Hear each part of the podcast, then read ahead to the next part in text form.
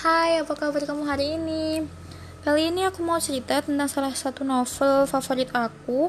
Dan novel ini terkenal banget sih dari zaman dulu sampai zaman sekarang. Aku juga yakin sih banyak dari kamu yang udah pernah denger novel ini Atau mungkin udah baca novel ini. Apalagi kalau kamu anak sastra Indonesia ya. Pasti ini tuh salah satu bacaan wajib deh buat anak sastra Indonesia. Judulnya adalah Siti Nurbaya Kasih Tak Sampai. Novel ini terbit pertama kali tahun 1922, ditulis oleh Marah Rusli. Berkisah tentang seorang gadis cantik bernama Siti Nurbaya, ya sesuai dengan judul novelnya. Jadi ceritanya bermula dari seorang Siti Nurbaya yang memiliki kekasih bernama Samsul Bahri. Mereka berdua ini tetangga dan juga satu sekolahan awalnya hanya teman biasa tapi ujung-ujungnya jadi cinta. Kemudian memutuskan untuk menjadi sepasang kekasih.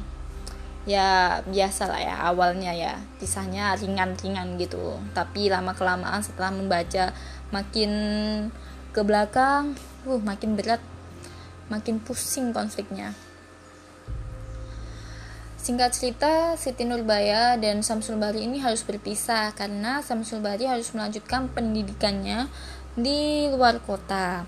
Karena Samsul Bari kan ingin jadi dokter, jadi dia harus pergi ke kota besar. Akhirnya dia pergi ke Batavia dan kuliah kedokteran di sana. Meski berjauhan, mereka tetap intens berkirim kabar dengan cara mengirim surat. Pada saat Samsul Bahri sedang jauh sekali sedang berbeda pulau dengan si Siti Nurbaya ini. Datang seorang laki-laki tua nan licik bernama Datuk Maringgi. Jadi Datuk Maringgi adalah salah seorang pria tua kaya yang ada di kampungnya Siti Nurbaya. Dan dia itu sangat terobsesi menjadi pria terkaya di kampungnya. Dia tidak ingin ada seorang pun yang bisa menyaingi kekayaan dan kesuksesannya. Sehingga dia ini sangat kesal dengan ayah Siti Nurbaya yang cukup sukses dengan usaha perdagangannya. Ia pun memikirkan rencana licik untuk menjatuhkan ayah Siti Nurbaya. Dia meminta anak buahnya untuk membakar ruko ayah Siti Nurbaya dan hal itu menyebabkan kerugian besar untuk ayah Siti Nurbaya.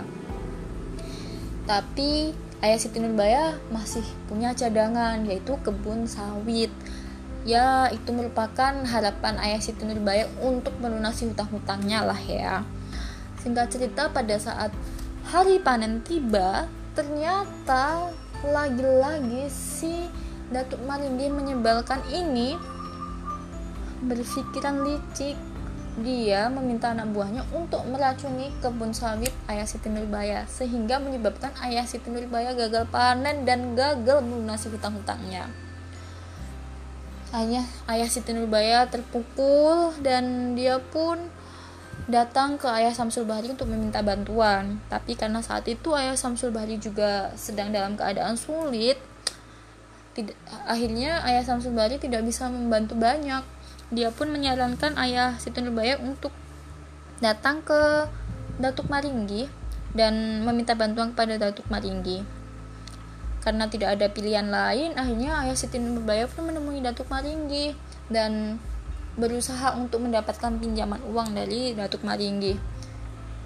Nah, jahatnya si Datuk Maringgi dan liciknya si Datuk Maringgi awalnya tuh dia bersikap sok manis gitu sok nggak tahu apa-apa sok ikut bersedih gitu kan.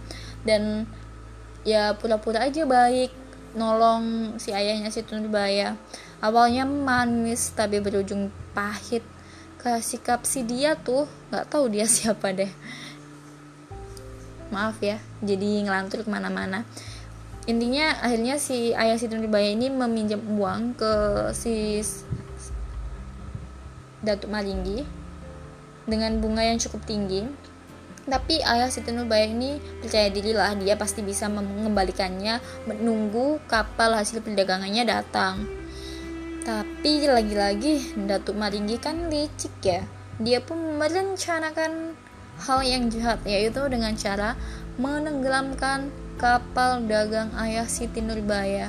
Dan baiklah habislah harta ayah Siti Nurbaya itu semuanya ludes karena kelicikan si Datuk Maringgi pada hari jatuh tempo pembayaran hutang ayah Siti Nurbaya Datuk Maringgi datang ke rumah si uh, ayah Siti Nurbaya marah-marah. Intinya dia minta uangnya dikembalikan saat itu juga beserta bunga-bunganya.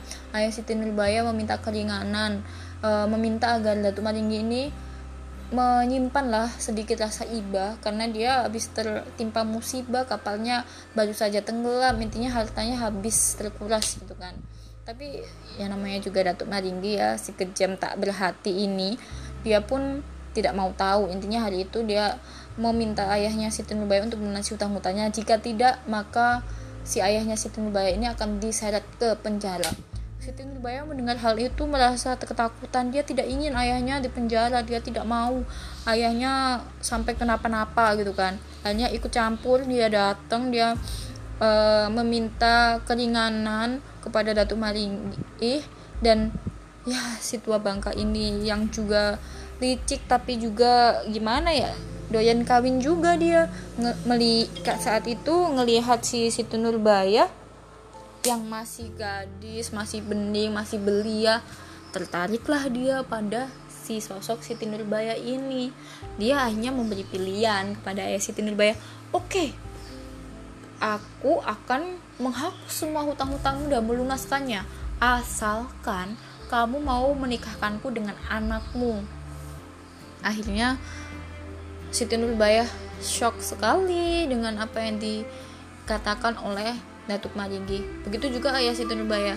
Dia tidak akan rela anaknya yang masih gadis, yang masih perawan, yang masih kinclong, masih panjang masa depannya harus menikah dengan seorang Datuk Maringgi yang sudah beristri tiga kalau nggak salah waktu itu ya kalau nggak salah nih ya seingatku sih waktu itu Datuk Maringgi udah punya tiga istri dan Datuk Maringgi intinya marah ya nggak terima gitu loh intinya kalau emang mau bebas dari hutangnya mau dibebaskan dari di apa namanya ancaman penjara dia harus menikah dengan Siti Nurbaya gitu.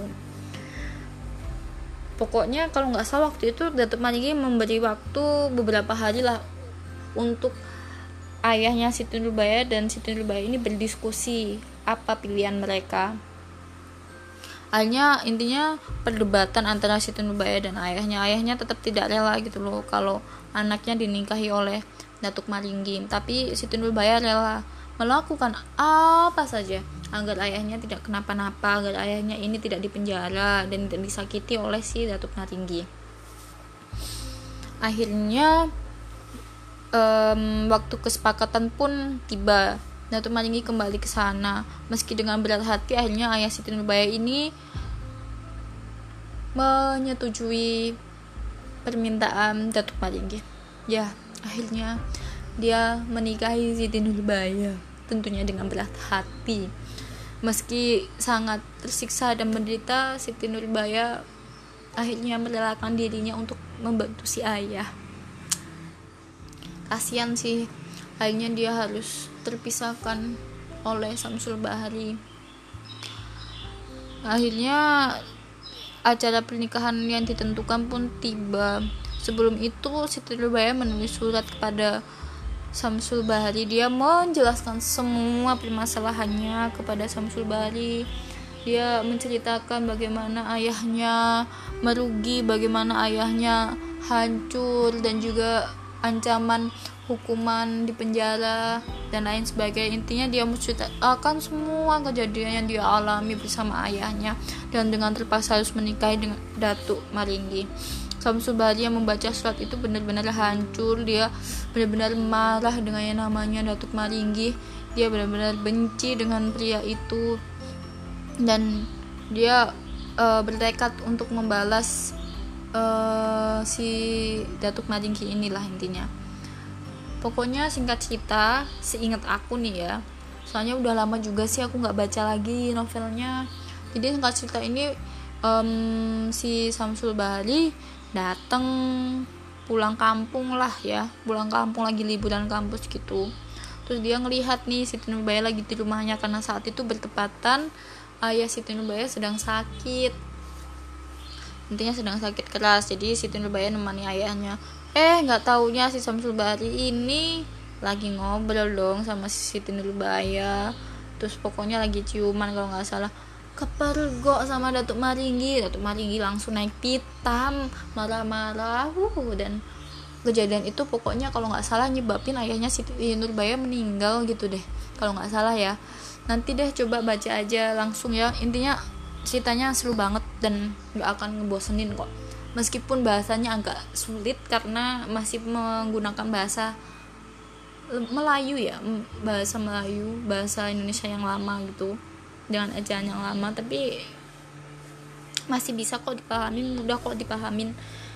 Intinya pokoknya singkat cerita setelah ayahnya meninggal ini Siti Nurbaya berusaha untuk melarikan diri bersama si Samsul Bahri.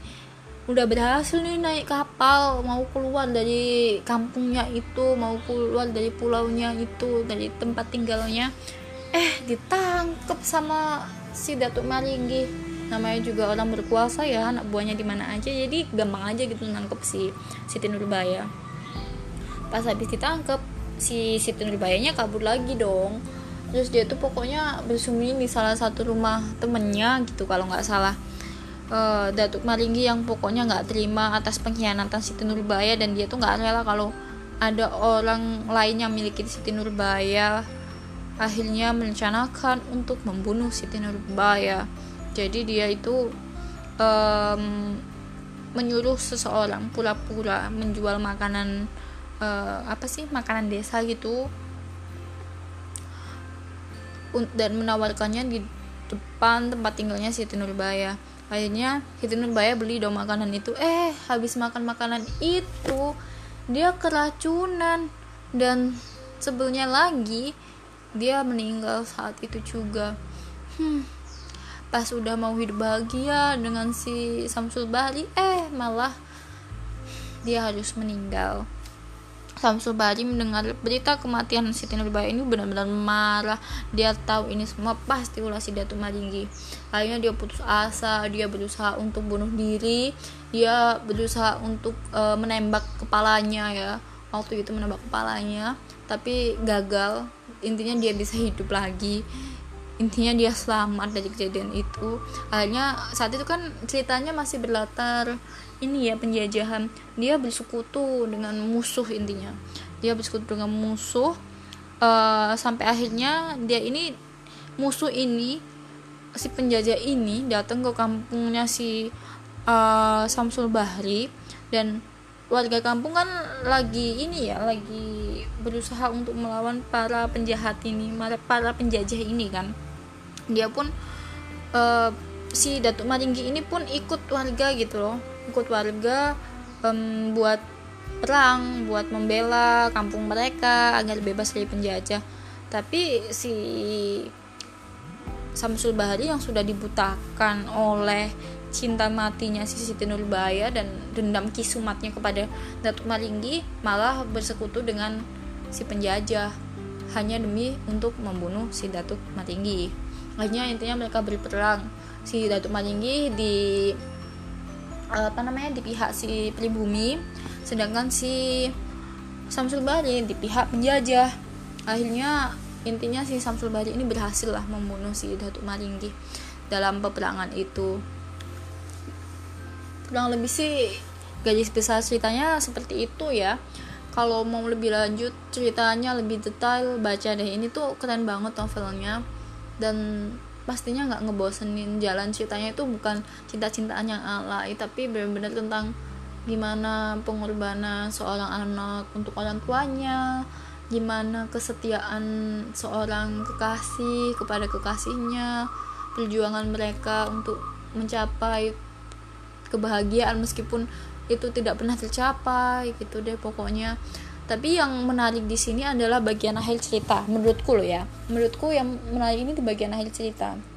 Yang awalnya si Samsul Bahri ini kan diceritakan sebagai protagonis ya dalam cerita ini. Dia ini pihak yang baik lah ya pihak yang tersakiti gitu kan. Tapi di akhir cerita dia malah memihak ke pihak yang jahat yaitu si penjajah ini. Sedangkan Datu Maringgi ya meskipun dia egois dia um, licik ingin selalu berpuasa ingin segala yang dia inginkan terwujud. Tapi di akhir cerita dia malah yang setia pada negara. Dia yang berjuang bersama kaum pribumi untuk mempertahankan um, daerah mereka gitu. Agar bebas dari penjajah. Kalau dipikir-pikir sih malah di akhir cerita ini aku lebih condong ke Datuk Maringginya ya daripada ke Samsul Balinya. Iya sih ngerti. Mungkin karena si Samsul Bali ini sudah terlanjur sakit hati dengan Datuk Maringgi dan benar-benar harus melakukan segala hal untuk bisa membuat Datuk Maringgi ini mati di tangannya. Tapi kan nggak harus juga kan membela pihak penjajah. Mungkin bisa dengan cara lain gitu sih. Yang agak-agak aku apa sih namanya agak-agak berpihak pada Datuk Maringgi di akhir cerita itu bagian ini sih sebenarnya. Ininya cerita ini kaya banget. Kayak kayak apa ya? Kayak pengetahuan kayak rasa. Intinya cerita ini sih keren banget. Jadi kalau kamu mungkin lagi butuh bahan bacaan bisalah coba untuk baca novel Siti Nurbaya ini